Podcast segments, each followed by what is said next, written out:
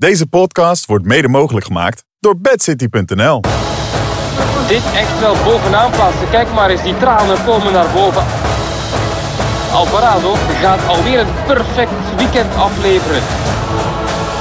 Roma, Nijs en Van der Haar deden het al. En nu komt daar Joris Nieuwhuis bij. Hij wint in merksklas. En daar is de glimlach op de vermoddelde baard. Joris Nieuwhuis.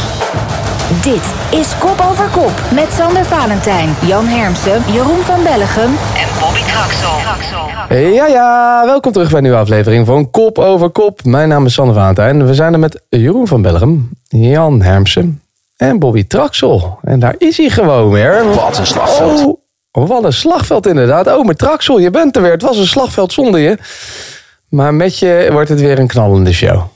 Ik hoop het. Ik, uh, ik weet niet of jullie het nog horen, maar mijn stem is nog steeds niet helemaal uh, in orde. Je klinkt iets voeler dan normaal, maar daar houden we wel van. Inderdaad, dat klinkt beter dus. Ja, wat, uh, je was eerst weg, toch? Gezellig op vakantie. Dat was leuk.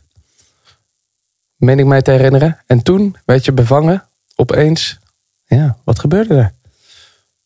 Ja, ik zit even te bedenken wat ik allemaal heb gedaan. Nee, uh, vrijdagavond bij, uh, bij Jan. We zijn even. dat was de ene laatste avond dat wij commentaar zouden doen met elkaar. Uiteindelijk werd dat de laatste avond dat we commentaar deden. Van, althans, van, van, dit, dit, van dit seizoen. Laat ja, ik het zo maar even zeggen. Want Anders klinkt het wel helemaal uh, als een soort afscheid van Jan of van mij. Dat kan overigens ook nog, hè, dat weet je nooit.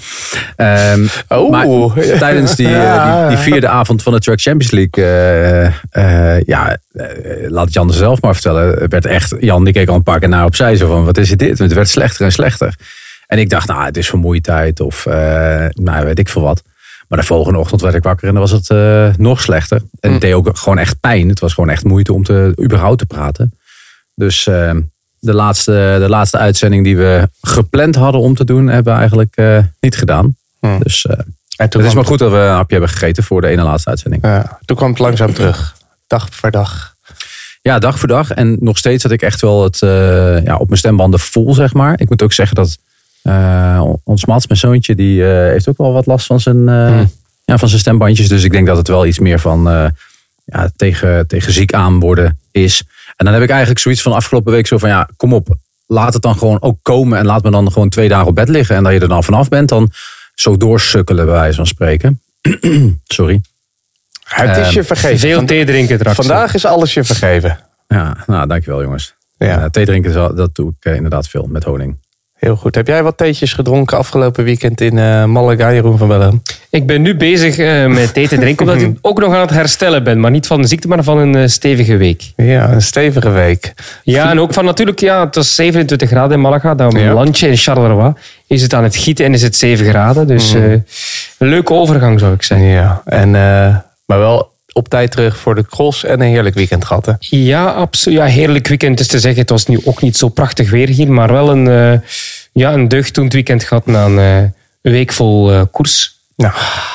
Of koers fietsen. Ja, fietsen. Koersen mag ik het niet noemen. Nee, ik weet nog dat ik voor het eerst op, op bij Eurosport zei dat ik ook koerste. En toen werd Janine Lodi heel boos op me.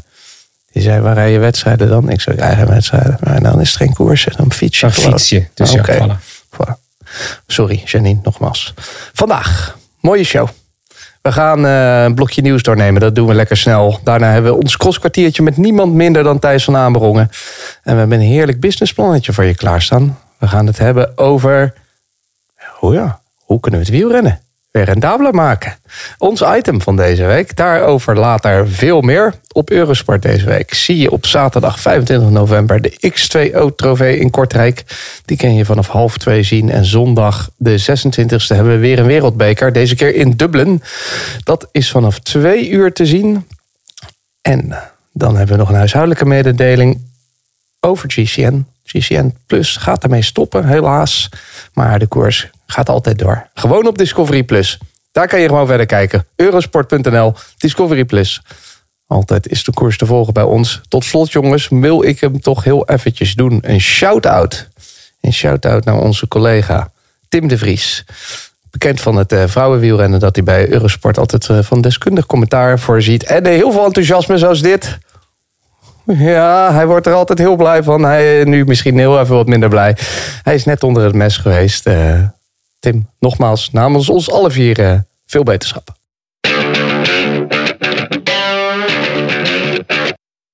We beginnen met een blokje nieuws, zoals ik zei. De wielerploeg DSM Firmenich heeft vanaf 2024 een nieuwe sponsor. En niet zomaar eentje. PostNL wordt mede-hoofdsponsor. Zometeen in ons item gaan we het meer hebben over sponsoring, geld en eh, hoe de ploegen überhaupt sponsoren binnenhalen. Wat uh, betekent dit, Jeroen, voor uh, deze ploeg? Zo'n groter sponsor erbij. Goh ja, groter budget hè. Want ze komen nu in de linker kolom terecht. Al zeggen ze zelf van de budgetten van de World Tour. Dus dat is toch een serieuze verbetering. Sowieso met de komst van Jacobsen konden we eigenlijk al meer verwachten voor volgend seizoen. Bobby zal het misschien beter weten. Die heeft toch wat meer kennis in, in de ploegen zelf. Die heeft daar meer contacten met Speek en Brink en dergelijke. Dus die weet misschien meer of dat al gang was voor de komst van Jacobsen. Dus of die sponsor al bij was, PostNL. Want eigenlijk ja, die ploeg is al gemaakt voor volgend jaar. Dus voor concrete gevolgen voor volgend seizoen qua rennersbestand, ja, dat zal niet gemerkt worden, want die hebben, ja, ze hebben al 29 renners. Het zal vooral voor de komende jaren worden, vermoed ik, dat er uh, in het rennersbestand wat extra kwaliteit gaat zijn. Er is nu wel wel kwaliteit door de komst van Jacobsen. Uh, maar het is, uh, ja, het is wel zo inderdaad voor... ja, volgend jaar was er al een grotere ambitie door Jacobsen. En nu zal dat voor de komende jaren, want het is een lange termijn project, tot minstens 2026 nog meer gebeuren. Hmm. En Bobby, was dit, speelde dit al, denk je, in de, voor, voor Jacobsen zijn komst? Ja, waarschijnlijk wel. Kijk, eh, wel wat het in dit soort gevallen zijn. En weet je, ik, ik, ik, ik, ik wou je niet, uh, niet eh, in de reden vallen, Sander. Maar uh, je zegt een grote sponsor. Uh, een grote sponsor in Nederland. Ja. moet je het dan worden. En is dit een grote sponsor? ik denk dat we, we gaan het straks over het businessmodellen hebben. Ik denk dat dit nog steeds binnen, het, het, binnen deze, of in ieder geval het internationale sportsegment onder een kleine sponsor valt. En voor een grote, ja, dus voor een wielerploeg een kleine of een grote sponsor is. Maar ja, dat klinkt al een beetje gek. Maar zeker bij dit soort bedrijven wordt dit niet binnen een week geregeld. Hm. En zou hier zeker een langer traject op, uh, op zitten. Maar de vraag is waarom? Want ja, weekend post NL niet. Ja. Dus voor de naamsbekendheid is het niet. Misschien uh, is het, als ze een samenwerking aan, hè? dat ze snellere levering hebben via mannen als Jacobsen. Oh ja. dat diezelfde pakjes komt brengen. Dat zou, uh, dat zou, zou, een goede training zijn. Een goede interval van deur naar deur. Zou het iets, zou PostNL ambities hebben bij de zuiderburen in Vlaanderen? Uh, ze bestaan hier bestaan al. hè? Ja, ja absoluut. Ja, absoluut ja. Maar meer en meer. Dus misschien is dat inderdaad ook wel een uh, idee van hen om nog bekender te worden in België. Maar het dan, mekka van de wielersport. Ah Jeroen, eh, weet je, jij, als jij mag kiezen tussen PostNL of uh, PostBE of hoe heet het uh, bij jullie, dan neem je toch gewoon de BE zeker. Ik neem, ik neem gewoon het goedkoopste. Zo ben ik. Nou, ik ben gewoon een halve Post, Nederlander geworden. Dan zit je bij PostNL goed. Moet je wel wat langer wachten op je pakketje. Ja. ja. dat, dat, kan ik wel hoor. Ik heb geduld. Ja, geduld ja, zeker. Uh, groter budget, grotere ambities. Uh, wat voor een ploeg wordt het, uh, Jan, denk je, volgend jaar? Nou ja, ze zeggen zelf natuurlijk dat ze heel graag een sprintersploeg uh, willen worden. Maar ik bedoel, ze hebben ook wel weer een paar aankopen gedaan. En ze hebben Only en Poel nog. En natuurlijk onze grote vriend Bardet. Dat ze ook met die klassementen toch ook nog wel aardig aan de weg kunnen timmeren. Want ze hebben natuurlijk die jonge Frank van der Broek. Je weet niet hoe die jongen zich gaat ontwikkelen. Maar ja, het is wel echt typische klimmer. Gijs Leemreis hebben ze gehaald. Dat is ook niet één man voor de sprinttrein. Dus ze hebben op zich wel een brede basis. En als je ook ziet naar de aankopen. We hebben het over Jacobsen. Maar er is, er is natuurlijk gewoon een blik Nederlanders opengetrokken. En de Duitsers die er veel zaten, die zijn ook een beetje uh, nou ja, ik zeg niet dat ze allemaal weg zijn, maar het Duitse imago van uh, de ploeg is ook wel een beetje weg. Het is echt een Nederlandse ploeg, een, gro een grote Nederlands blok geworden eigenlijk ook. Het is steeds meer Nederlands geworden eigenlijk na dit jaar. En daar, hoort, en daar hoort natuurlijk dan PostNL bij. Dat doen ze mhm. dan heel goed. Ja, Hollandse dan PostNL kan je het niet krijgen, toch? Dan hebben we nog een uh, tenuutje te maken, Bobby. Dit is ook weer echt jouw expertise. Zwart, blauw en dan oranje. Kan dat wel wat gaan worden? Ik uh, denk dat ze in hun webshop niet veel gaan verkopen en veel hoeven te verzenden. Mm, mm, mm. Dat, uh, dat scheelt dan wel weer. Uh, we gaan door. Na drie jaar buiten Frankrijk te zijn gestart, gaan we in 2025 weer gewoon lekker in Frankrijk van start met de Tour de France in de regio Haute de France. En Jan, je weet, eerst maar even, waar ligt dat precies? En het, eh, ja, en het bovenste gedeelte van Frankrijk. Ja, dat zou als, je het vanuit, als je het vanuit het zuiden bekijkt natuurlijk. Maar dat doen de Fransen volgens mij. Het is niet het de hoogste gedeelte van Frankrijk. Nee, dat vind ik ook altijd inderdaad. Ja. Als je daar doorheen rijdt, dan denk ik altijd, ja, maar het is hier toch op zich ook niet hoog. Eh, het, is niet, eh, het is niet vlak trouwens, hè, de de France. Vergis je daar niet in. Want het, is, het is, zijn geen Ardennen en het zijn geen Vogezen. Maar het, het is nog wel geaccidenteerd daar. Wat voor een start kunnen we daar verwachten, denk je? Ja, ze start in Lille. Eh, dat is in ieder geval eh, de, de verwachting. Dus dan, dan, dan zullen we kasseien gaan krijgen. Daar kom je niet op uit. Je, je zal richting Pas de gaan. Waar we natuurlijk die fantastische etappe hebben gezien met eh, de Caps. De Cap Gris en de Cap Blanc. Waar Van, Oud, van op mooi won. mooie plaatjes op de kust. Ehm, in Picardie kan je ook heerlijk koersen. Ik bedoel, het is wel een echte koersregio. En ze gaan natuurlijk ook naar België. Daar kan je vergif op innemen. Ik bedoel, er komt sowieso een rit richting eh, misschien zelfs met start in Vlaanderen. Daar, eh, daar ga ik eigenlijk 100% van uit. Ik ben al aan het sparen om te investeren in de stad Gent. Maar eh, ik heb nog niets gehoord of het nodig is. Dus eh, ja. In de stad Gent. Dus, voor, ja, eh, start, start oh, een locatie start. naar hier halen. Ah, ja, ja, dit, hoort wel, dit hoort wel in het nieuwtje, jongens. Eh, Jeroen gaat investeren. Ja, ja dat is wel eh, PostNL. In hè. plaats van. Hij heeft geld gespaard. Eindeloos goedkoop en dan in één keer alles voor de Tour. Ja. Eh Poppy, denk je dat we dan weer eens een sprinter in het geel gaan krijgen in 2025? Ja, die, eh, die mogelijkheid is er, eh, is er zeker. Dat lijkt mij de, de, de, moeilijk, de mooiste. Ehm, aan de andere kant hoop ik eh, misschien het liefst dat we gewoon lekker openen met een, eh met een, met een kasseienrit. Wat zou dat dan zijn? Nee. Dat is de Oh. eerste dag. En gaat Jan Hermsen dan zeggen, kunnen we het nu al voorspellen? We hebben het nu over 2025. Gaat hij dan zeggen, hoort dit wel, kan dit wel, mag dit wel? En dan gaat hij daarna zeggen, ja, ik vind eigenlijk dat het wel kan, maar zoiets. Eh, Als ik de enige ben die dat zegt, dan zou het, zou het me verbazen. Want volgens mij, volgens mij vindt iedereen dat. Ik vind dat ze gewoon be- moeten beginnen met een mooie proloog in echt Oh ja, ja. Het is, eh, ja, het is niet de, het is de stad waar iedereen voorbij rijdt. Maar het, is eigenlijk, eh, het heeft een prachtig oud centrum. Hm. Het doet bijna Italiaans aan. Dus ik zou daar gewoon lekker gaan knallen. Gewoon, gewoon beginnen op de grote een, markt. Echt een, een, een wielerregio, hè? Ja, Dus eh, je kunt er inderdaad makkelijk komen, inderdaad, met eh, vliegen, eh, trein of hoe je dat dan ook wilt. Dus ja, dat heeft ook nog een voordeel. Maar echt een, een wielerhart. Het is een Lille Metropool is natuurlijk al lang partner geweest van continentaal, zelfs gelijknamige continentale ploeg. Ehm, verder Covidis, het hoofdkantoor zit daar. Dus ook dat eh, scheelt heel veel in de, in de wielersport. En een van de grootste nou, sportattributenverkopers ehm, heeft zijn hoofdkantoor daar. En zelfs zijn, eh, zijn fietsenmerk eh, en eh, high-end fietsproduct vernoemd naar ehm, de tweede naam of de Vlaamse naam van Lille. Dus eh, dat op zich eh, zeer interessant.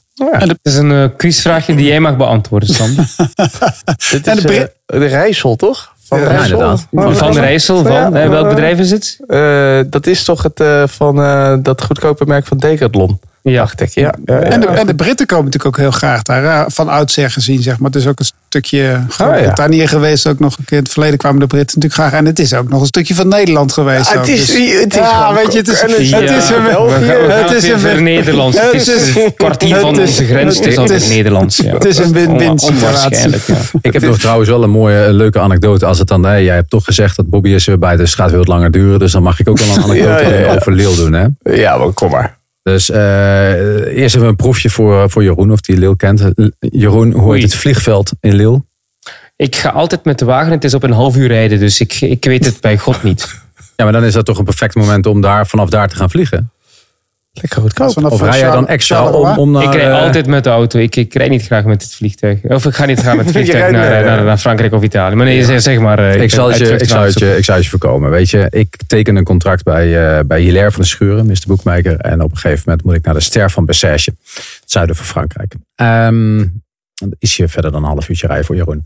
Ehm, en Hilaire die belt mij en Hilaire eh, nou, spreekt redelijk ehm, eh, West-Vlaams, moeten we redelijk zeggen. Dat, eh, dat is toch verrekt voor iemand die gewoon midden in Vlaanderen woont. Maar nou, een beetje voor een Nederlander soms een beetje lastig te, te begrijpen. Maar hij vertelde me in ieder geval dat we vertrekken vanaf Lille. Dus ik, ehm, ik, eh, ik zeg tegen Christa, ik zeg, nou, ik zeg, ik moet aanstaande dinsdag moet ik weg, want woensdag moet ik beginnen in de Ster van Bessèges. En we vertrekken van Lille. Dus wij vertrekken van Lille. Dus wij komen aan op het vliegveld. Ik eh, parkeer daar. eh, nou, Oké, ik loop er naartoe. Christa blijft gelukkig bij me om even uit te zwaaien voor de eerste wedstrijd van het seizoen. En we zitten daar op het vliegveld en er komt maar niemand. En er komt maar niemand. Maar ja, het is een klein vliegveldje. Dus ja, waarschijnlijk komen die jongens, andere jongens, eh, drie kwartier van tevoren. Want dat kan makkelijk. Die koffers kan je bij wijze van spreken zelf in het vliegtuig zetten.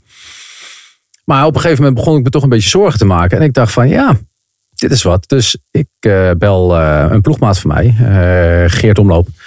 Ik zeg, hey eh, Geert, ik zeg, hoe is het allemaal? En eh, eh, ja, goed, ik, ik ben hier al voor de TGV. Ik zeg, wat? Ja, ik ben al op het TGV-station. Ik zeg, ja, ik ook bijna. Dus ik hang op en ik zeg tegen Christen, kom op, want we gaan blijkbaar met een trein. Ik zeg, wie gaat nou met de trein naar het zuiden van, van Frankrijk? Nou, dus ik ben echt vijf minuten van tevoren kwam ik aan en stapte, kon ik gelijk mooi mee instappen in die TGV. Uiteindelijk perfecte manier van reizen naar Zuid-Frankrijk, dat moet ik ook eerlijk zeggen. Maar dat was toch de eerste miscommunicatie vanuit het grote Rabobank, waar je ra- eh, ruim van tevoren wist waar je naartoe ging en hoe je daar reizend naartoe ging. Naar een wat kleiner ploegje waar je dan eh, vanuit gaat dat je naar een vliegveld gaat, maar dat werd de trein. Maar hoe heet het vliegveld nou? Van Lille? Ehm, vroeg je aan is dat. Leske? Ja, ja, hij weet ja. het antwoord zelf niet. Dat zijn de beste eh, keer. Dat klopt. Ja. Dat klopt, ja. Leske, hè? Ja. Ja. Eh, mooi. Wel erg hoor, als je een half uurtje van, vandaan woont en niet kent. Mooi. Nou ja, wat moet die jongen? Nou ja, want Jeroen rijdt, rijdt liever naar Charleroi toe, bedoel. ik. Hij rijdt liever naar Charleroi. Lekker vanaf Charleroi. Hey, ja, veel liever. Veel liever. Verstandig. Tegenwoordig gewoon Oostende. Jongens, we, Chinook of wat is dat?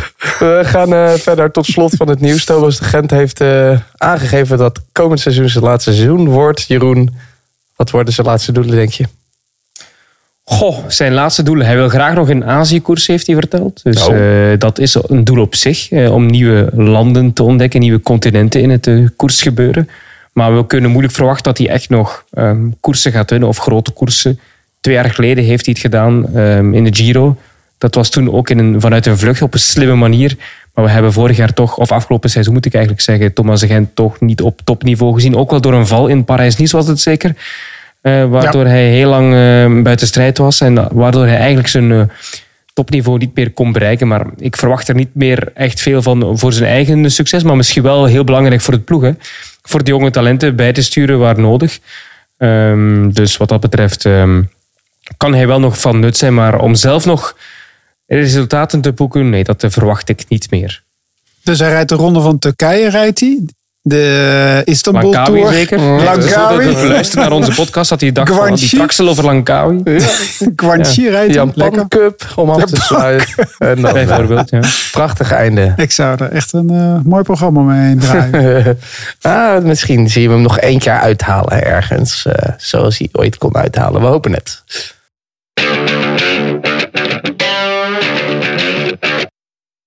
Ja, het is weer zover. Het is tijd voor ons crosskwartiertje. En eh, ik zei het al in onze intro. We hebben de man himself, Thijs van Aanberongen. Hij schuift aan. Thijs, hoe is het? Ja, lekker. Eh, mooi weekend achter de rug. En eh, vandaag lekker zelf gefietst. Dat moet ook gebeuren natuurlijk. Ja, je bent natuurlijk Dus, als fietsenmaker op de maandag vrij. Ja, ik, ik ben op maandag, dinsdag, woensdag op afspraak. Dus ik kan het een beetje soms zelf Ah. indelen. Als het weer eh, beter is op een woensdag, dan kan ik ook natuurlijk woensdagochtend gaan fietsen. Ja, Maar eh, meestal ga ik op, eh, maak ik op maandag, eh, probeer ik twee, drie uurtjes te fietsen. En de laatste tijd op zondag lukt het niet echt meer met het drukke programma van ons. Ja, en op zaterdag lukt het sowieso niet. Dus Ja. Nee, niet alleen de renners zijn slachtoffer van die nieuwe Nee, inderdaad, Ook. Jeroen en eh, Thijs, Ja. dat is zo. Weten veel mensen je al te vinden voor een winterbeurtje? eh, ja, dat begint nu... eh, zo noem je dat, eh, Jeroen, voor de fiets Ja. bedoel ik. Van Amerongen. Mannekes lief, het is 9 uur s'avonds en je praat over een winterbeurt. Dit is, dit is echt niet oké. Eh, ja, het is net waar je hart van vol is. Hè? Dus eh, Ja, Ja. Nee, maar eh, dat gaat goed, ja zeker. Eh, ja, fietsen moeten onderhoud hebben, hè. daar moet je op tijd eh, bij zijn. Dus eh, ik zou iedereen willen adviseren dat eh, niet te vergeten. van, En bel hem van, allemaal als het echt prachtig weer is in de voormiddag dat hij Ja. niet kan fietsen. Ja. Dat zijn. Van Amerong eh, Performance Cycling. Kijk, we hebben vier, vier, uitgesproken. vier wereldbekers gehad al. Een stuk of tien cross. Het zullen er nog wel wat meer zijn. Wat vind je van het seizoen tot nu toe, Thijs? Ja, het is wel een leuk eh, seizoen op zich tot nu toe. Eh, bij de dames was het natuurlijk wel de eerste cross misschien een beetje aan de saaie kant. Met een enorm sterke Fem van Empel. En bij de mannen was het eigenlijk iedere cross interessant, omdat er veel verschillende winnaars zijn geweest en toch ook wel spannende crossen. En dat zet zich nu door. En nu is het ook bij de dames spannend geworden, want we hebben afgelopen zondag natuurlijk een eh, mooi eh, schouwspel gezien. Dus eh, dat belooft wel voor de komende maanden. Nou, daar gaan we het zo zeker over nog hebben. Is er één ding dat je echt heel erg opvalt in deze eerste crossen tot nu toe? Nou ja, wat vooral opvalt is dat, er, dat we veel verschillende winnaars hebben gehad. Hè. Andere jaren ja. was het vooral Eli Isebiet die zijn hele zegenreeks aan elkaar reeg. Met de penningen die eh, enorm content was met zijn ploeg. En noem het allemaal maar op. Paul Sauzen. Eh, en nu eh, hebben we eigenlijk al verschillende mannen gehad. Die allemaal op specifieke parcours ja, beter zijn dan, dan een ander dan op die dag. En zoals gisteren was het... ja, wa- wa- zag je eigenlijk weer dat eigenlijk een Isebiet toch wel misschien een beetje pech heeft met het weer van de afgelopen maanden. We gaan eh, terugkijken, terugblikken in ons crosskwartiertje. Ik ga de timer starten ongeveer. Ja, dan kunnen we wel. eh, Zijde op je palmares, daar mag je trots op zijn. Cyclocross is voor de leidende wereldbeker. De Chouchou van Vlaanderen kwam, zag en overwon. Het crosskwartiertje. Het crosskwartiertje is begonnen en we blikken terug op het afgelopen weekend. De wereldbeker in Troyes en de superprestige Merck Plas. Over terugkijken gesproken. Dit wil je ook gewoon even terug horen, want dit hoor je niet zo vaak. Hij was eh, bij deze mannen, bij deze ploeg nog wel enige zonder eh, overwinning in een elitecross. Ronna, Nijs en Van der Haar deden het al. Maar nu komt daar Joris Nieuwhuis bij. Hij wint in Merksplas en daar is de glimlach. Op de bemodderde baard. Joris Nieuwhuis uit de Achterhoek rijdt een perfecte cross na een tweede plek vorige week. Uitstekend. Twee Ik, dingen eh, ik, ik kan nu opdoeken. Ja, ga maar. Ga maar, je mag weg. Dit is eh, ja, wonderlijk. Dat is Dit nog eens is, een eh, finish.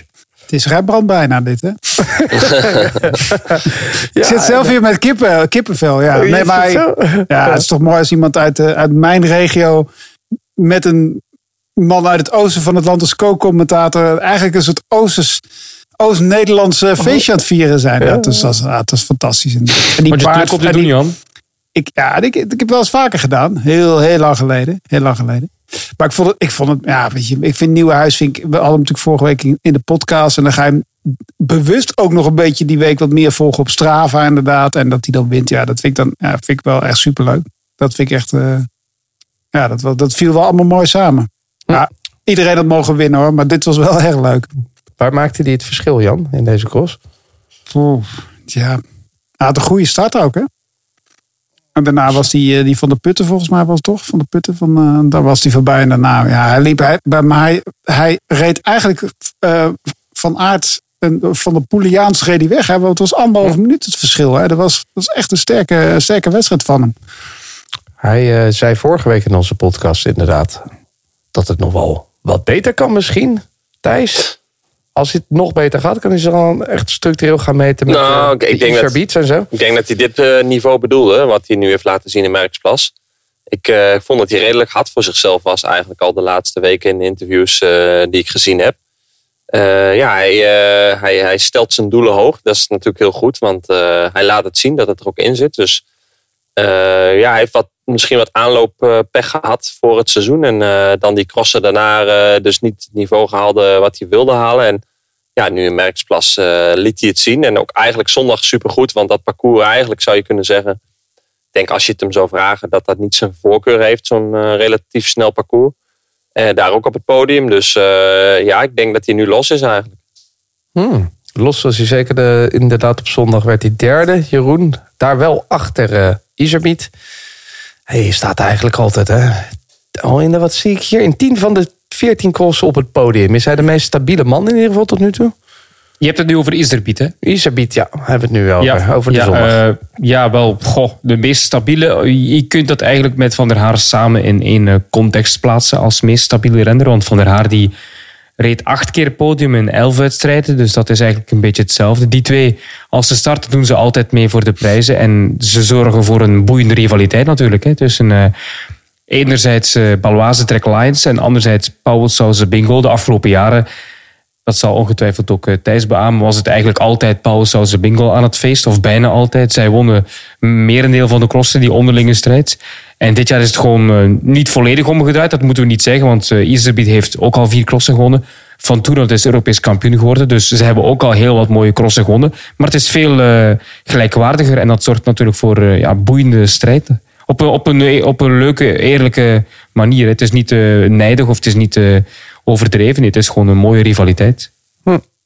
Mooie rivaliteit. Thijs, toen we jou spraken voor de grote crosscast, toen uh, was Nijs nog uh, de hot ving. Nu toch iets uh, instabieler. Ja. Wisselende resultaten. Hoe kan je dat verklaren? Ja, toch vooral zijn, zijn leeftijd, denk ik. Hè? Dus hm. vorig jaar liet hij ook aan het begin van het seizoen al een paar hele mooie flitsen zien. Dat je dacht, zo, als je dat kunt op deze leeftijd, dan uh, zit er meer in. En eigenlijk daarna heeft hij dat nooit meer kunnen evenaren. Dus uh, nu, dit seizoen was het al nog weer echt een stuk beter. Hè? Want als je ziet dat hij op de Koppenberg gewoon uh, wegrijdt en die mannen allemaal eraf rijdt. Ja, dat is natuurlijk enorm knap op die leeftijd. en en heel, heel straf om dat te kunnen laten zien. Dan zou je zeggen, van, dan moet dat de week daarna ook weer kunnen. Maar ja, hij is nog wisselvallig. er zit nog geen constante in zijn prestaties. Dus heeft nog tijd nodig, denk ik. Uh, het komt ook bij, het is Thibaut Nijssen. Er wordt heel veel van hem verwacht. Uh, ogen zijn op hem gericht. En dat, die wil hij ook graag uh, op zich gericht hebben. Want hij ontwijkt het zeker niet, die aandacht. Dus ja, ik denk dat die combinatie, verwachtingspatroon... en dan misschien toch een beetje de gebrek nog aan inhoud, basis... hardheid om een seizoen heel constant vol te, te volbrengen dat dat nu maakt dat hij soms ook gewoon in één keer, uh, nou, ik, ik, weet niet eens wat hij geworden is eigenlijk uh, afgelopen weekend. Zevende. Zevende valt nog mee, hè, als je het ziet. Uh, hij heeft zich nog wel redelijk herpakt, maar hij is toch ook al een aantal crossen er echt doorheen gezakt. Dat hij gewoon, nou ja, nieuw, dat hij zelfs echt bij de laatste binnenkwam. Dat is een beetje typisch Thibaut Nijs, denk ik. Dan laat hij het ook een beetje lopen. Uh, en dus die komt. Op zich wel goed, goed teken, Thijs, dat hij dit keer wel doet. Hè. Dat zijn zijn vader ook. Dat dit, dit keer wel strijdt voor een zes of zevende plek. Ja, maar dat moet ook, hè, want anders ben je op een gegeven moment overal aan het afstappen en, uh, en slechte, uh, ja, slechte uitslagen aan het rijden. Dus het is heel tricky om wat hij deed, om zeg maar redelijk te starten, vijfde, zesde positie te hangen en dan op een gegeven moment mee te gaan met uh, naar eigenlijk dus voor de overwinning te koersen. dan te voelen dat je dat niet kunt. En dan, als die mannen je voorbij komen, Ryan Kamp en een aantal anderen, om dan zeg maar je kop te laten hangen. Dat is echt, hm. uh, dat is funest natuurlijk. En dat heeft hij dus niet gedaan. Dus hij is toch doorgezet. En uh, dat moet je ook doen om juist die basis en die, die hardheid wel op te bouwen. Want uh, van die wonderbenen als in de Koppenberg, die heb je misschien maar één keer per jaar.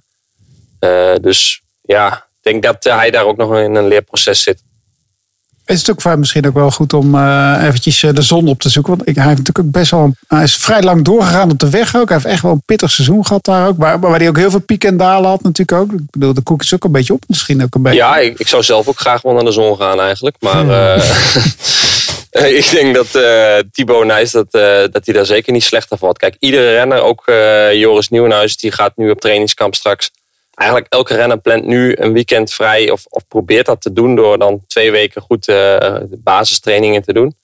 En daarmee kun je soms in een seizoen echt weer een stap zetten. Uh, dus dat is, dat is zeker goed. En niet te veel crossen is ook uh, verstandig, denk ik. Dat doet hij ook niet, dus dat is ook goed. maar om dat niveau van de Koppenberg weer opnieuw op te pakken, ja, dat kan ook maar zo komen. Hè? Want als, het, als je diepe dalen hebt, kun je ook hoge pieken hebben. En, en misschien is inderdaad zo'n trainingskamp is, is niet verkeerd. Over uh, hoge pieken gesproken en uitzonderlijk niveau. Er was uh, nog iemand die dit weekend uitzonderlijk niveau liet zien. Maar ze mag dit echt wel bovenaan plaatsen. Kijk maar eens, die tranen komen naar boven. Alvarado gaat alweer een perfect weekend afleveren. Dat deed ze vorig weekend in Nielen en Dermonde. En ze wint na gisteren Merkplas ook vandaag vier op een rij. En de emoties bij Alvarado die uh, ja, toch nu wel naar boven komen. Want dit is een uh, mijlpaal hoor. Ze klopt een van de beste dames in de, deze sport. Vier overwinningen op rij. Twee keer het afgelopen weekend Bobby. En dan uh, tranen. Waarom was het zo'n uh, emotionele zegen voor haar, denk je? Nou, ik denk dat je dat een beetje in het perspectief van de afgelopen jaren moet uh, gaan zien. Hè. Ze werd natuurlijk seizoen 2019-2020 werd ze nou, wereldkampioen. Terwijl ze eigenlijk nog bij de bij de jongeren onder 23 jaar mogen rijden. Nou, het jaar daarna ging het nog goed. 2021, 2022. Ja, misschien met z'n allen schreven we de 23-jarige Alvarado al een klein beetje af. Nou, vorig jaar ging het al iets beter. Maar nog spraken we denk ik met z'n allen over van ja... Maar ja, als Puk Pieters, Fem van Empel of Brand of eh, misschien zelfs Vos er is, ja, dan doet ze niet mee. En het is te hopen. Ik denk dat we dat in de, de, de, podcast rondom het eh, vooruitblikken op het seizoen ook zeiden. Van ja, de nummer drie, dat zou af en toe wel eens Alvarado kunnen zijn. Ja, en als je dan weer terug op het hoogste niveau staat, eh, want dat is de wereldbeker. En dat is blijkbaar dus veel belangrijker voor haar en ook voor haar gevoel. Ten opzichte van de superprestige wedstrijden die ze eigenlijk aan elkaar rijgt. Volgende week krijgen we dan ook weer eh, Van Empel terug in het veld. Van Androoy is weer bij Thijs. Wordt het eh, spannend nog? Ja, we gaan eh, een mooi seizoen eh, tegemoet eh, bij de vrouwen. Ik bedoel, eh, straks zijn ze er allemaal weer. Eh, nu heb je nog even dat weekend met eh Kortrijk en eh, Dublin, die het even nog verspreidt. Maar ja, daarna krijgen we denk ik mooie duels. Als, ja, half- Daarna krijgt ja, daarna die kerstperiode. Dat wordt al helemaal. dat wordt eh, top. dat wordt mooi. Dat wordt smullen. Er zit al popcorn in te slaan, alles. popcorn al in te slaan. Ik eet meestal andere dingen. Maar het Oh. maar is ook lekker. Dat is Ja, ook ja, lekker. ja. We hebben nog een kort eh, nieuwsblokje ook om even te behandelen. Laten we beginnen met het programma van Wout van Aert. Jeroen hij had vorige week nog een... eh, Jij hield de slag om de arm heel goed. Jij tikte ons op de vingers. Nog niks is duidelijk, maar nu is wel wat duidelijk.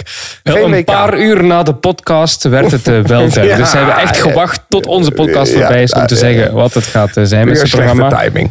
Hij, hij gaat er zeker acht rijden en misschien tien. Dus dat is toch wel serieus wat minder dan vorig jaar. Toen reed hij hier veertien. Dus zes of vier minder. Met dan vooral eh, de start in Essen. En eh, ja, Mol, dat is eigenlijk de eerste cross. Ik zal niet zeggen waar we naar uitkijken, dat klinkt slecht. Maar de eerste cross waar ze de grote twee samen zullen starten. 22 december. Ehm, dus ja, ik tel er een zestal die ze samen gaan afwerken waarschijnlijk. Dat is natuurlijk minder dan wat we gewoon zijn vorig seizoen. Maar oké, zestal. En eh, ja, jammer genoeg eh, Thijs, of jammer genoeg Thijs ook, ja, en Sander. Geen WK, geen BK. Hij, het is voor het eerst ooit dat hij in zijn carrière die twee allebei niet gaat doen. Dus dat is wel een, ehm, ja, een aderlating. Ik, ik snap het wel. Ik snap het ergens wel. Ehm, ik, ik, denk, ik denk dat hij te grote conclusies trekt omdat, van vorig jaar. Dus hij zei dat hij in die klassieke campagne van vorig jaar ja, moeilijk had mentaal om zich op te laden. Ook met die, het, is, het was te lang. Maar ja, goed, hij wordt eh, ja, bijna winnaar in Roubaix. Door lekker band wint hij niet. Vlaanderen ja, wordt hij hier afgereden door een eh, superieure Van der Poel en Pogacar. Ligt dat dan aan dat crossseizoen, dat 2K? Ik denk het eigenlijk persoonlijk niet. Eh, maar hij zal het wel weer beter weten, Jumbo-Visma ook. Ik vind het wel jammer, maar ja, je moet keuzes maken als je zo'n grote renner bent. Hè. Alle kleine dingetjes Als je alles aan kan. Ja, alle kleine dingetjes moeten eh, kunnen helpen. Thijs uh, Pitcock ook niet naar het WK in Tilburg. Eh, in Tilburg, in Tabor. Zou leuk zijn in Tilburg. Zou ook leuk zijn. eh, wat is, is het al een beetje onthoofd WK nu al? En waarom gaan al die mannen niet? Ook omdat Ja, het het- helemaal tuurlijk. in Tabor is, niet in Tilburg? Ik denk dat dat er niet echt veel mee te maken Het is gewoon meer de positie op de kalender. Hè. Dus ja, het zit voor hun in een hele belangrijke trainingsperiode na, die, na dat voorjaar toe. En eh, ja, je gaat toch in zo'n week, eigenlijk al twee weken voor het WK, ga je gewoon minder trainen. Je gaat niet dinsdag, woensdag, eh, donderdag vijf, zes uur trainen om dan op zondag het WK nog even te rijden. Ik bedoel, dan bouw je veel te veel vermoeidheid op. En, Van der Poel doet het toch? Hij wordt wereldkampioen. Hij wint eh, iedere cross die, Ja, koers die hij wil. En Ja, oké. Dus maar het kan iedereen, wel. eh, het kan zeker, maar iedereen maakt zijn planning natuurlijk. En ik, ja, ik denk dat Wout nu wel eh, voor zichzelf heeft bedacht van dit jaar wil ik overal waar ik tweede was proberen toch te winnen. en denk dat je dat er het nog 2K wel. het verschil zou maken? 2K cross Ja. erbij pakken, ja of nee? Ik weet het niet. Ja, zou je niet ja, ik zie nu Zonhoven Benidorm, dat is nog onder voorbehoud. Als hij die nog gaat rijden, ja, dan zou ik zeggen pak dat WK dan ook nog maar mee, Ja, die ene week. Eh, dus als onder, ja, zo, zo, zo denken jullie niet dat hij misschien toch nog een klein eh, openingetje houdt? Of, Ik denk dat hij niet... Ja, ik denk het niet eigenlijk. ja, ik weet het niet. Ik denk, misschien hangt het af van Kokzijde en dat hij daarna beslist. Als ik Zonhoven en Benidorm ook doe, nou, dan kan het WK er ook nog wel bij. Maar- Maar waar de verspreking van Tilburg? Ik zit er echt aan te denken. Waar traag zullen doen Ja. heeft. Zeg. Ja. Tabor, Tilburg. Tabor, Tilburg. Gaat hij over de grote Nee, maar- keuzes van Van Aert? Hij, heeft het over eh, Tilburg. ja. Lijkt wel. Nee, op maar op, zich, ja. op zich is het wel heel logisch. Want eh, uiteindelijk eh heel Varenbeek, dat is de plek waar de Beekse Bergen ligt. is natuurlijk, ligt tegen Tilburg aan. Oh ja, misschien was het wishful thinking. Dus misschien weet jij dus meer Ja. dan wij allemaal weten. Oh, ja, ja. Ik, Valentijn. weet, ik weet een hele hoop. Ik heb een hele hoop in de wandel. Volgend jaar in Tilburg, leuk man. Ja. Dat lijkt me geweldig. Dan eh, doen we een podcast op locatie en eh twee k Alweer. Ja, ja, alweer. Ehm, tot slot, eh, Bobby. Nou, even kijken. Hoeveel minuten hebben we nog? Nee, sorry, we hebben geen Het is tijd op, denk ik. Het is bijna op. We hebben nog een minuutje. Dus ik ga Hij zeker kan niet, kan niet naar Bobby. Nee, we gaan niets vragen over de UCI en Bobby en al dat soort dingen. We gaan- Daar hebben we echt, niet, echt geen tijd voor. We kunnen wel nog heel snel vooruitkijken naar komend weekend. Dus eh, Kortrijk hebben we en Dublin. Kortrijk is op zaterdag, tweede manche de X2O. Wat is het voor rondje, Thijs, in eh, Kortrijk? Ja, Kortrijk is een urban cross, hè? dus dat is midden in de stad. Oh, en ja, eh, twee bruggen erin. eh, ja, ja, één brug eigenlijk. Hè? Maar, ja, er zit, dus het is wel een leuk. Ik vind het een leuke afwisseling ten opzichte van de crossen die we kennen. Dus, Voor de variatie altijd. ja, het is, het is- En, en, Dublin, is dat geen Urban Cross? dat is geen urban cross. Dat was vorig Oh. jaar toch wel een groot succes eigenlijk. Die cross in Dublin. Dus eh, dat zal er wel eh, lastig bij liggen. En eh, ja, daar ben ik wel benieuwd naar. Alle toppers aanwezig, Jeroen, in Dublin? Eh, alle toppers is te zien. Hè. Vorig jaar won daar Wout van Aert, dus die is er alvast niet bij. Weet Ja, je nog, ja. met dat vod, met die vod in zijn achterwiel? Dat was Oh, daar. En, en dan moest hij terugkeren in de materiaalzone. Dat, Ja, dat was ja, in ja, Dublin. Ehm, niet alle toppers zijn er, maar er komen wel een paar terug. Hè. Van Empel is er terug bij, dus die gaat dan rijden tegen Pietersen en tegen Alvarado. Dus bij de dames gaat het heel interessant worden. Van Empel rijdt toch in Kortrijk? Oh, rijdt hij niet in Dublin? Volgens mij niet. Oké, kijk. Voilà. Ik word je alweer op de vingers getikt door... Op de eh, vingers. Ja, dus, ja, dat, dat, Nee, dat moet, dit moet wel gebeuren. Dit is goed van Nederland gaat eh, met een hele kleine selectie. eh, Oké. Want de kosten zijn... Pietersen toch wel, hè? Eh, ja, ik zal er even erbij. Ron Haarkamp en Ja. Van Kessel rijden bij de elite.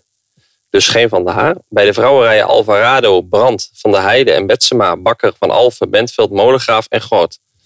Eh, en eh, ja, dat is de selectie.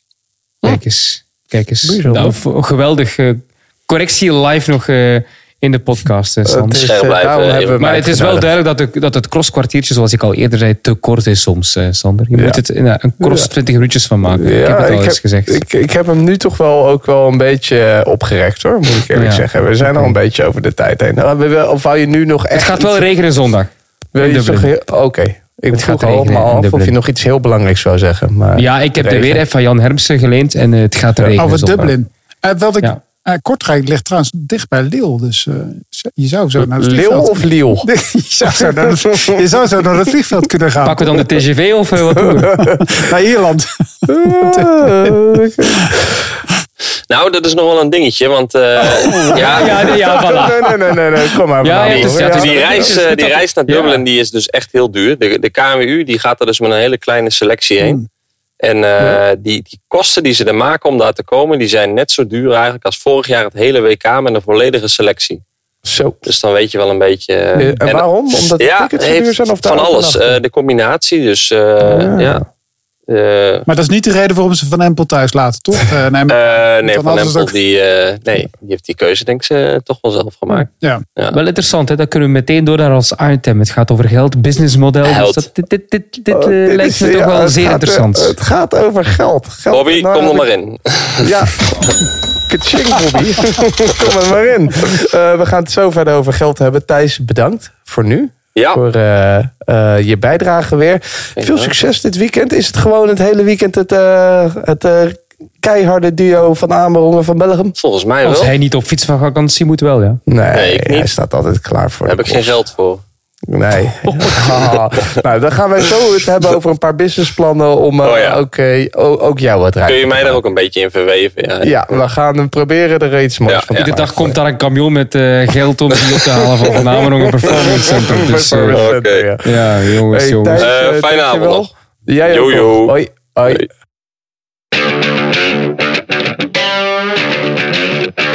Tot slot van deze uitzending gaan we ons eh, item doornemen. het was het item aan het einde van het eh, seizoen dan. Althans, de fusie tussen Team Jumbo-Visma en Soudal Quickstep. Team Jumbo-Visma, de succesvolste ploeg. ter wereld toch wel. Die eh, had toch echt wel moeite, leek het, om een sponsor te vinden. Sudal Quickstep, dat al eh, zeker ook in voorgaande jaren altijd domineerde in het voorjaar. Ook zij toch vaak toch nog wel moeilijk om een sponsor te vinden voor het nieuwe seizoen. Daarom dachten wij op een gegeven moment...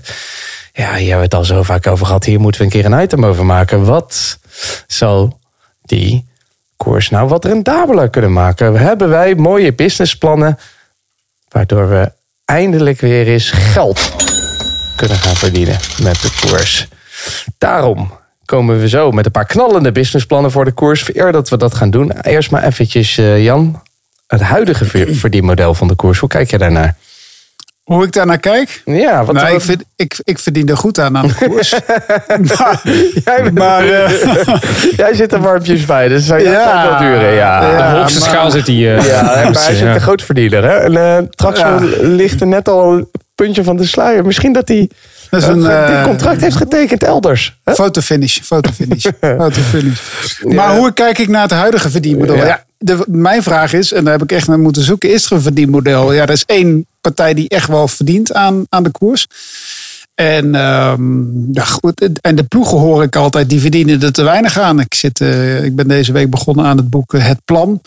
eh, over ehm, eh, het, fantastische plan van, om van Jumbo-Visma de beste wielerploeg ter wereld te maken. En daar staat ook heel veel over dit thema. En ja, er is natuurlijk gewoon één grote partner die al het geld binnenhengelt. En eh, ja, de ploegen vinden dat niet altijd een goed idee, maar komen ook komen wel met ideeën.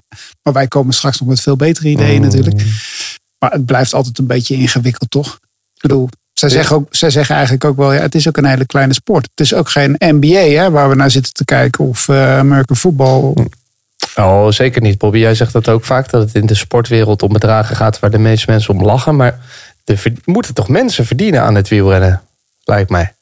Ja, ja ik, ik, ik vind de omschrijving van dit, ehm, dit, eh, dit, dit, eh, dit, dit artikel, of hoe noemen we het? Dit, Item. item, Item. item, is het. Hè? Dat klinkt wel sexy. hè? Ja. Vind ik eigenlijk ook wel slecht, want het moet rendabeler worden. Voor wie? Ja, voor de ploegen, denk ik. Dan hebben Maar voor, zo. dat betekent dus dat. Voor de renners. ja, ja, voor Ja. de renners. Eh, Ik ken jongens die verdienen 5 miljoen euro. Waar, waarom moet dat rendabeler? Nee, voor de ploegen. Het lijkt toch, je moet het vooral zo Maar zien. Moeten de ploegen dan nog meer geld gaan verdienen? Maar verdienen zij zoveel geld? Want ik krijg altijd de indruk als... Nou, een- dames en heren, ik, ik woon hier vlakbij het, eh, bij eh, Daan Luijks, hè, voormalige manager van, eh van.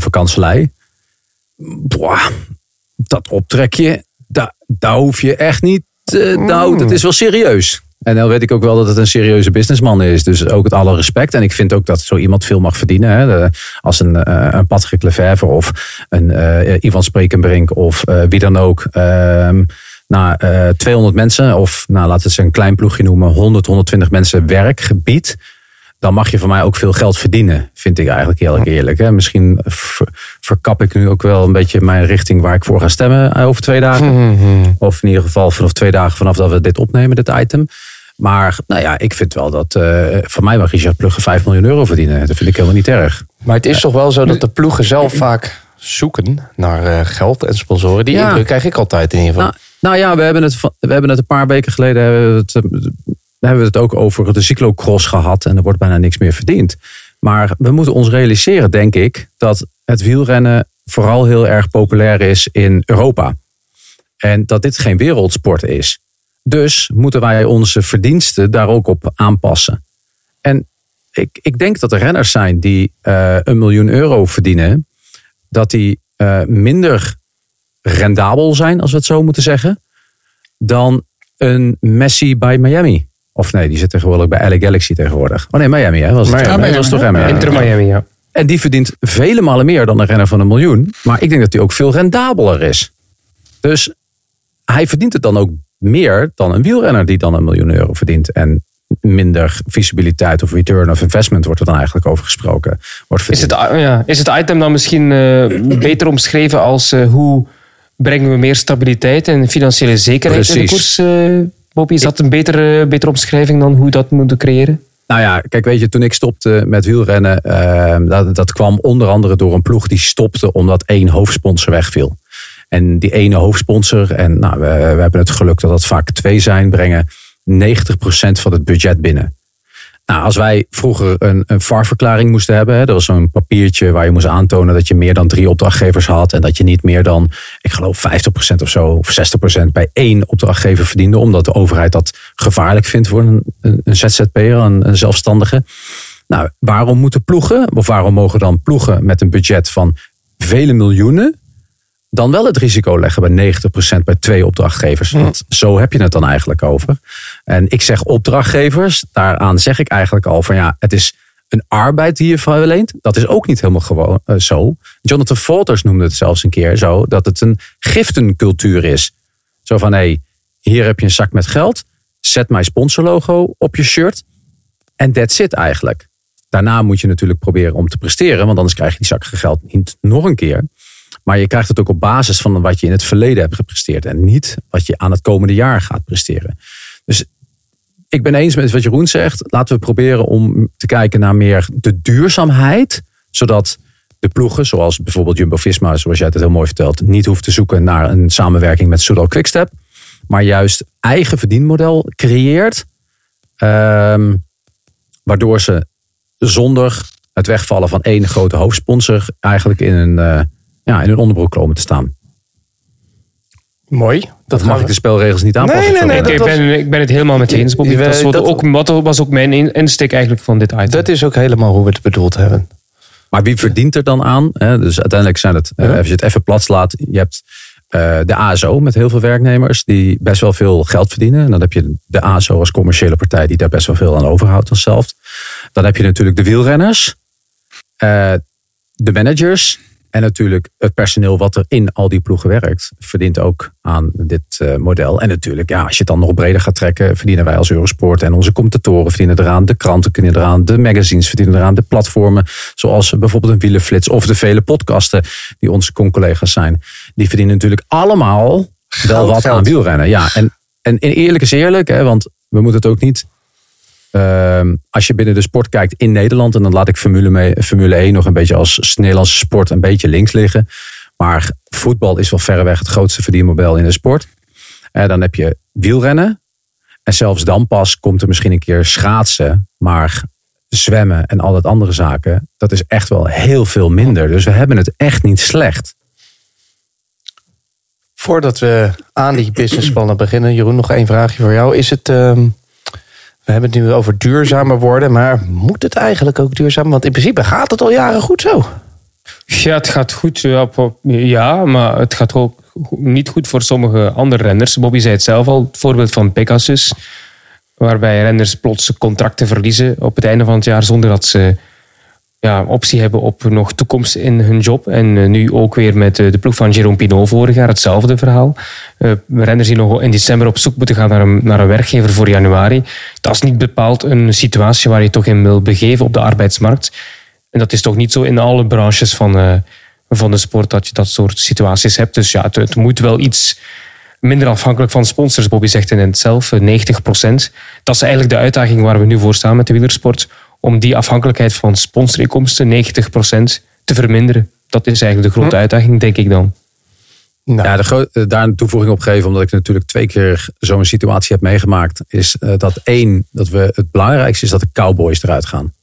Eh, De cowboys die iets roepen en dat niet kunnen eh, waarmaken, eh, die zullen eruit moeten. Eh, er zijn ook managers die over hun contractduur met sponsors heen durven te, te, te, te speculeren, zeg ik maar. Om renners een langer contract te houden, omdat die renner is de waarde van de ploeg. Eh, Bij Jumbo Visma is de waarde van de toppers die daarin zijn, dat is de waarde van de ploeg. Eh, en daardoor geven ze vaak contracten die langer zijn dan het contract met een ploeg. En dat kan natuurlijk, en dat mag natuurlijk. En dat kun je als eh, een BV of NV, weet ik veel hoe dat allemaal tegenwoordig heet. Ik weet het eigenlijk wel, maar ehm, dat, eh, ja, dat, is to- dat is toch wel een beetje ja, risico's nemen. Maar misschien hoort dat bij ondernemen. Dat is weer iets anders wat we in de wielersport niet kennen. ondernemen, risico's nemen, geld verdienen. En het wielrennen duurzamer maken. Daar gaan we het nu over hebben. Knallende businessplannen. Jullie hebben erover nagedacht. En ik heb om een beetje in de stemming te komen, krijgt iedereen een beetje een muziekje van me. Bobby, jij bent de Mr. Businessman. Dus eh, Here we go. Money talk. Here the money.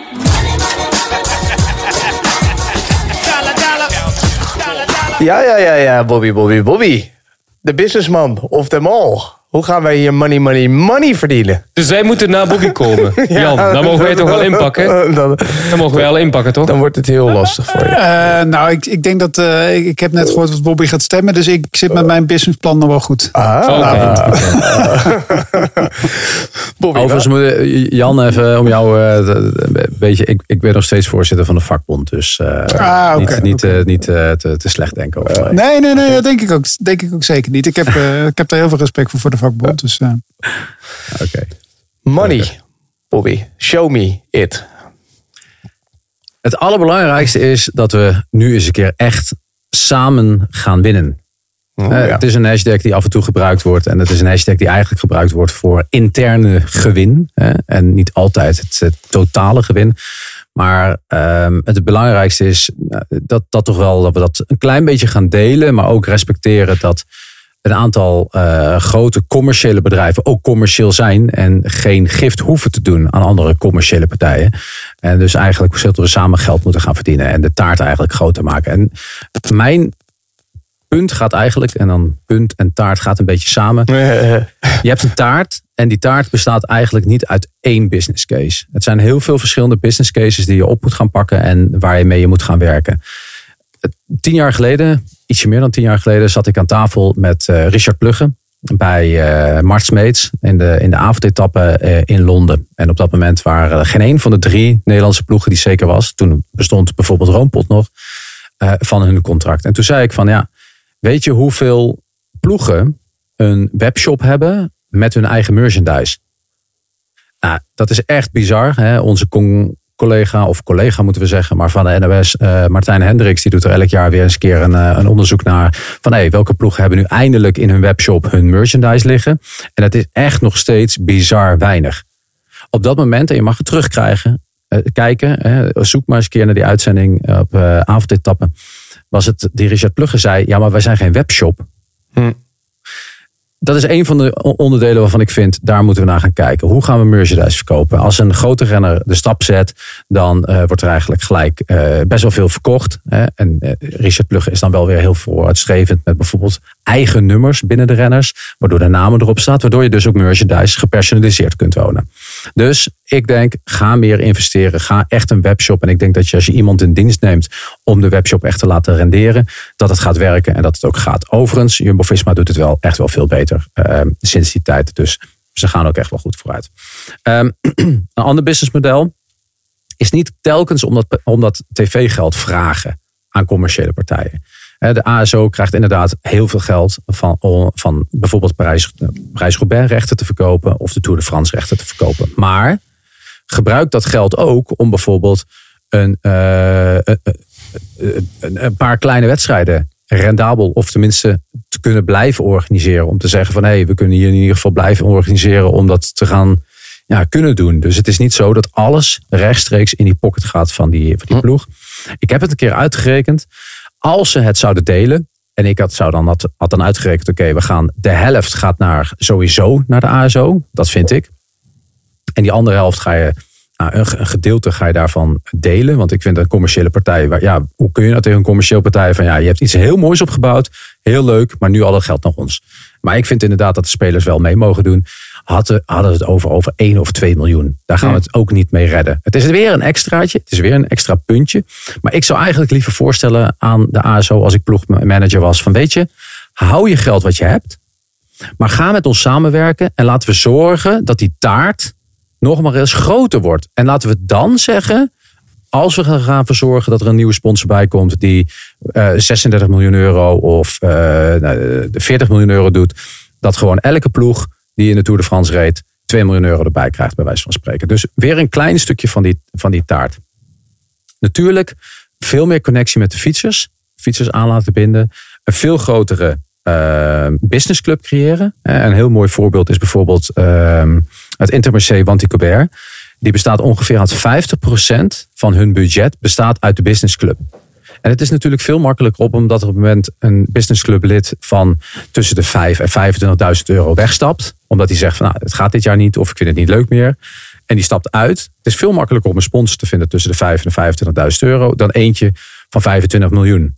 waar sommige ploegen mee opzet zijn. Dus één, investeer in een echte business track. Zet een mooi model weg daar, dat dat ook goed gaat werken.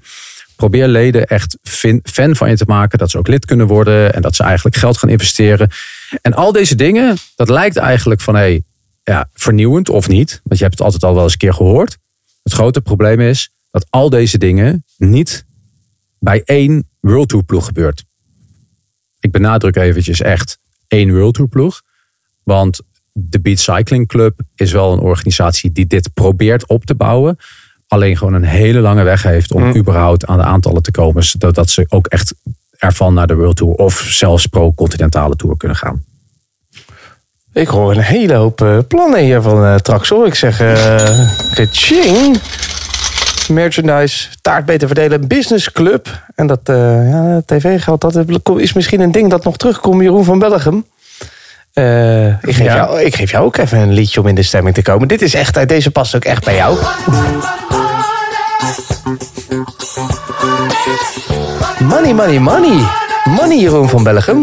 Ik vond de eerste wel leuker, maar oké. Maar money is toch wel jouw eh, tweede naam? Jeroen Money. Ehm, nee, ik, ik, ben, ik ben niet zo de man van de, van de marketing en van eh, het eh, financiële model. Dat is echt meer uh, Traxel zijn ding. Met eh, alle respect eh, voor mijn eigen kwaliteiten natuurlijk. maar ik ga het meer hebben over de kalender. Dus eh, Ah. ik, ik, ik zie daar toekomst in. Om daar meer geld te genereren. En nu heb je een allegaartje aan wedstrijden. Wij begrijpen hoe het in elkaar zit. maar eigenlijk is er niet echt een plan hè, met die kalender. De gemiddelde kijker die beseft het niet. Nu dan World Tour, dan heb je weer Pro Series. Maar al die eh, toppers die rijden die koersen door elkaar. Oké, er zijn misschien af en toe wel wat meer toppers in de World Tour. Eh, gelukkig maar. Maar je hebt ook Pro Series wedstrijden waar heel veel goede renners aan meedoen. Ook eh, hele toppers uit de World Tour. Zoals Kuurne bijvoorbeeld. Die wordt ook stevig scholen door hele grote renners. Dat is ook geen World Tour koers. Dus ehm, ja, ik, ik wil minder absolute topwedstrijden, meer duidelijkheid en concurrentie ook onderling niet te groot maken door ze uit elkaar te halen. Eh, wel één uitzondering, want ik heb goed nagedacht en ik vind eigenlijk hoe Parijs-Nice en Terreno doen, op zich mag dat wel blijven voor mij, want alle grote renners die, die verdelen gewoon hun, ehm, of de ploegen verdelen gewoon hun goede renners onder die twee koersen en die zijn alle twee heel mooi en heel uitdagend wat het eh, parcours betreft en ook deelnemersveld. Dus die mogen gewoon wat mij betreft perfect in die week naast elkaar bestaan. Dat, dat werkt wel, vind ik persoonlijk. Ehm, maar ik heb eens geteld en we hebben nu 102 koersdagen in de World Tour zonder de grote rondes meegeteld. Dus ik ga bewust de grote rondes niet meetellen. We hebben net ook Bobby gehoord. De Tour, ik, ik wil dat in een volgende stappen benaderen. Want de Tour, ja, dat is ASO, die gaan niet aan hun eh, geld willen morrelen. Dus ik wil eerst ergens anders proberen geld te halen waar het iets misschien gemakkelijker zal lopen. Dus ik zou dat willen reduceren, die 102 koersdagen buiten de grote rondes, naar 50. 50 koersdagen in de World Tour. En eh, de andere koersen die kunnen nog een tweede niveau terugvinden. De Pro Series bijvoorbeeld, daar kunnen ze terecht. Maar eh, dit wil ik eh, aanbieden als, eh, aan een grote sponsor, dit als pakket en ook aan de televisiezenders. En daar wil ik een trui aan vastknopen en prijzengeld. Dus we gaan het gewoon zo organiseren. En de teams en de organisaties van die wedstrijden die delen de koek. Dus als team heb je dan wel de verplichting om in minstens 75% van die wedstrijden je vijf best verdienende renners aan de start te, Oh, brengen. Dus ah, want ja, ja, ja. waarom zou je iets mogen verdienen als je naar één koers gewoon er de klak naar smijt en gewoon alles focust op een andere koers omdat je daar misschien iets meer eh, te verdienen hebt? Nee, gewoon ehm, je moet echt met die vijf jongens zoveel mogelijk, het zijn 50 wedstrijden, dat kunnen die kerels echt wel aan. Oké, buiten de grote rondes. Maar goed, als je één of twee grote rondes hebt, dan heb je nog altijd 75 koersdagen. Als je ze allemaal rijdt. En dat is niet de bedoeling. Ik zeg 75 procent. Oké, er kunnen uitzonderingen gebeuren als je blessures hebt. Ik weet het, blessurelast. Daar moet je dan aparte regels voor voorzien. Dat kan allemaal. Maar het belangrijkste is dat je echt de toppers aan de start krijgt in de grootste wedstrijden. Dat is het, eh, het doel. En Je krijgt er een beloning voor, want je deelt in de koek hè, van Ja, de tv-gelden. ja, ja. Organisatie is blij. Heel veel kijkers, want Pogacar speelt tegen Van der Poel en eh, Van Aert in, ik zeg maar iets, de Hamburg Series, als die er al is. De Hamburg Classic in de World Tour, waarschijnlijk niet. Die gaat die 50 waarschijnlijk niet overleven. Maar ik bedoel maar, iedereen start eh, in de meeste grote koersen. Ja, ja. Dit is de eerste stap, want die grote rondes, ik zei het al, die laat ik even buiten beschouwing. Je kunt ook op termijn de vijf toppers van je eigen ploeg ehm, twee van die grote drie rondes laten rijden. Dus eh, dan heb je twee rondes plus eh, een koers of 40 van die 50. Dat, dat is wel heel veel koersen, maar dat is misschien een model waar we naartoe moeten trekken. Dus minder trainen, dan moet je iets meer koersen. Dan heb je tachtigtal koersdagen voor iedereen. En eh, kun je ook zo'n pakket samenstellen voor die grote rondes.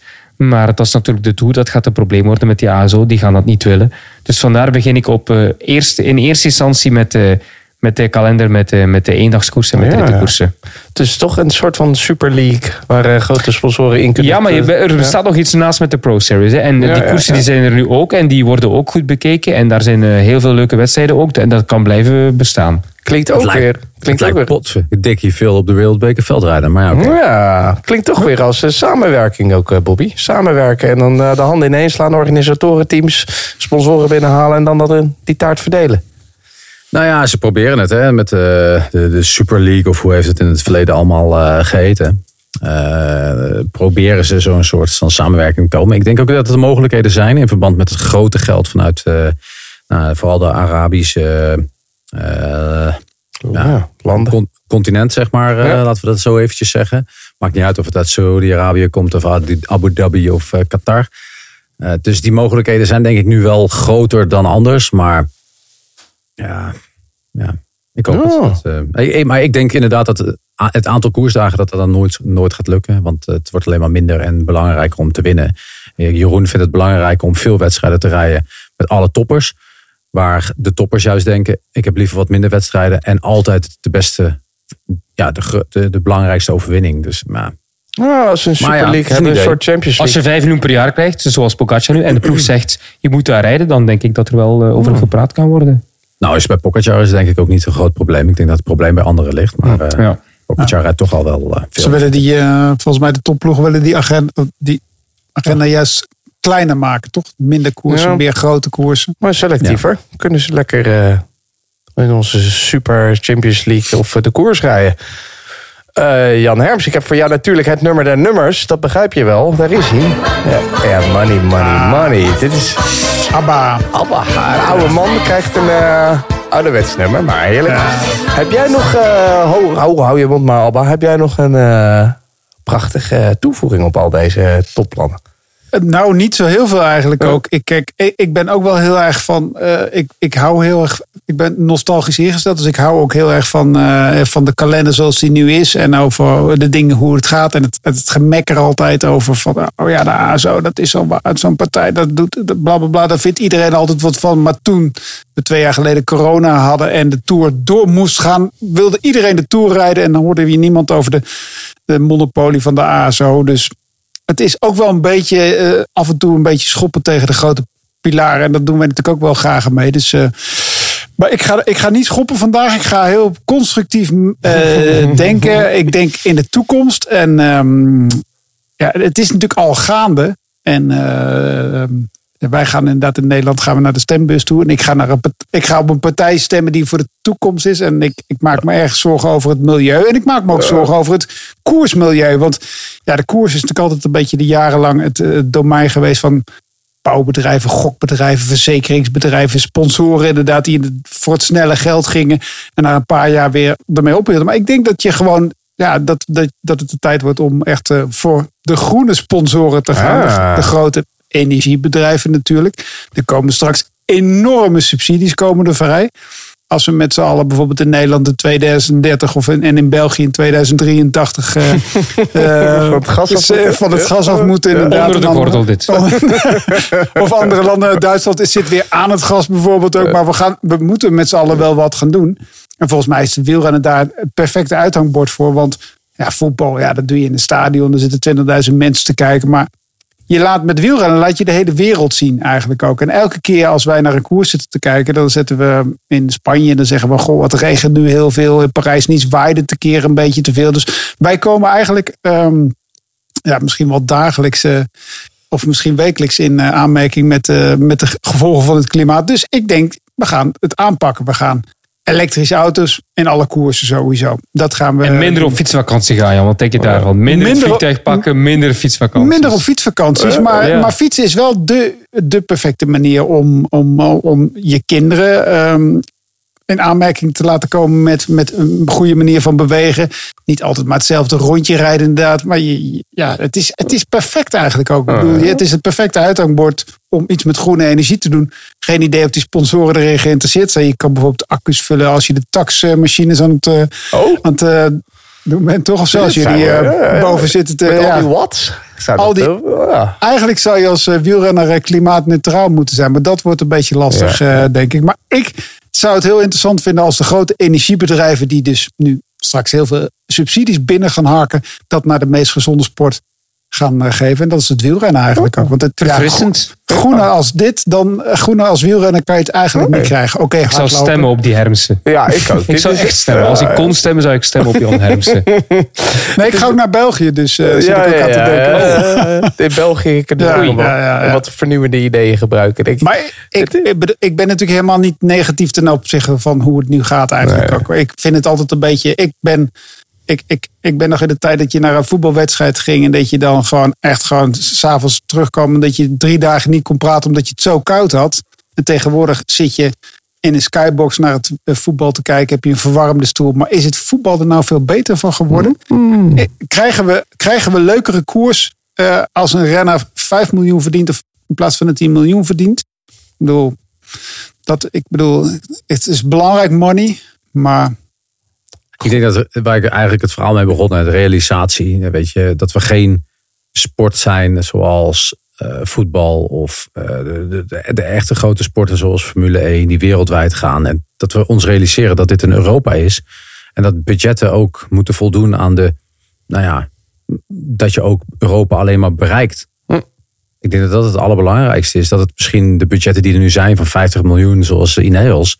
Ja, dat dat misschien wel gewoon het echt het maximale is wat je kunt halen. Maar ook de jongens die eh 25 miljoen, wat ik nog steeds een gigantisch bedrag vind. En ja, Rabobank is gestopt toen ze op, op, op dat moment 15 miljoen euro hadden. En eigenlijk een van de beste ploegen van de wereld waren.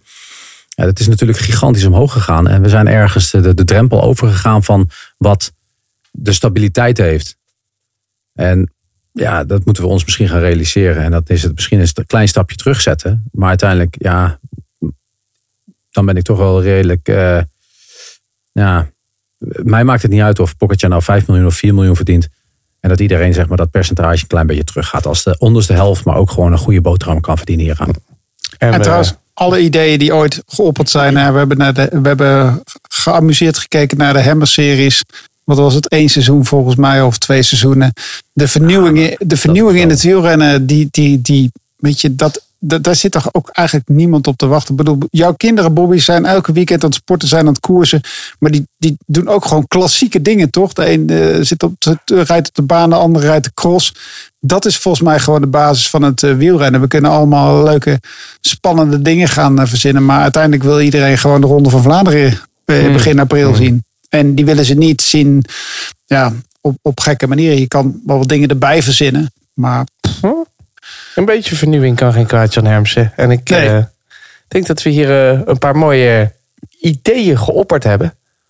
Mannen, bedankt voor jullie plan. Ik doe hem nog één keer gewoon omdat het kan. Ik, ik voel hem weer hoor. De, ah, de kassa is volgelopen hier. In ieder geval hebben wij weer een goede boterham verdiend vandaag met deze knallende Ah. podcast. Die dikke contracten van ons, eh, die we, het, het inkt eh, blijft goed. goed Misschien moeten we het daar een keer over hebben. Ja, misschien maken we deze podcast rendabel. Ja, wat, wat, wel, wat wel leuk is, als je het over vernieuwing in de sport wil hebben, moet je eigenlijk. Er is op een, eh, een grote streamingdienst in eh, Nederland en België is een documentaire en die gaat over Mike Viek.